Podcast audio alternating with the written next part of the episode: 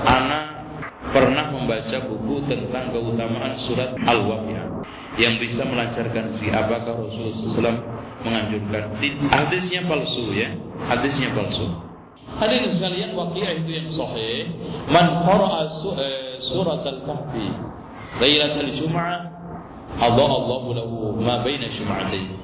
Ada pun hakikat eh, waqiah seperti surat-surat yang lain man qara harfan min kitabillah falahu bihi hasanatun fal hasanatu asyri amsalihha Barang siapa yang baca satu huruf dari kitabullah akan diberikan satu kebaikan, satu kebaikan dilipatkan sepuluh kali.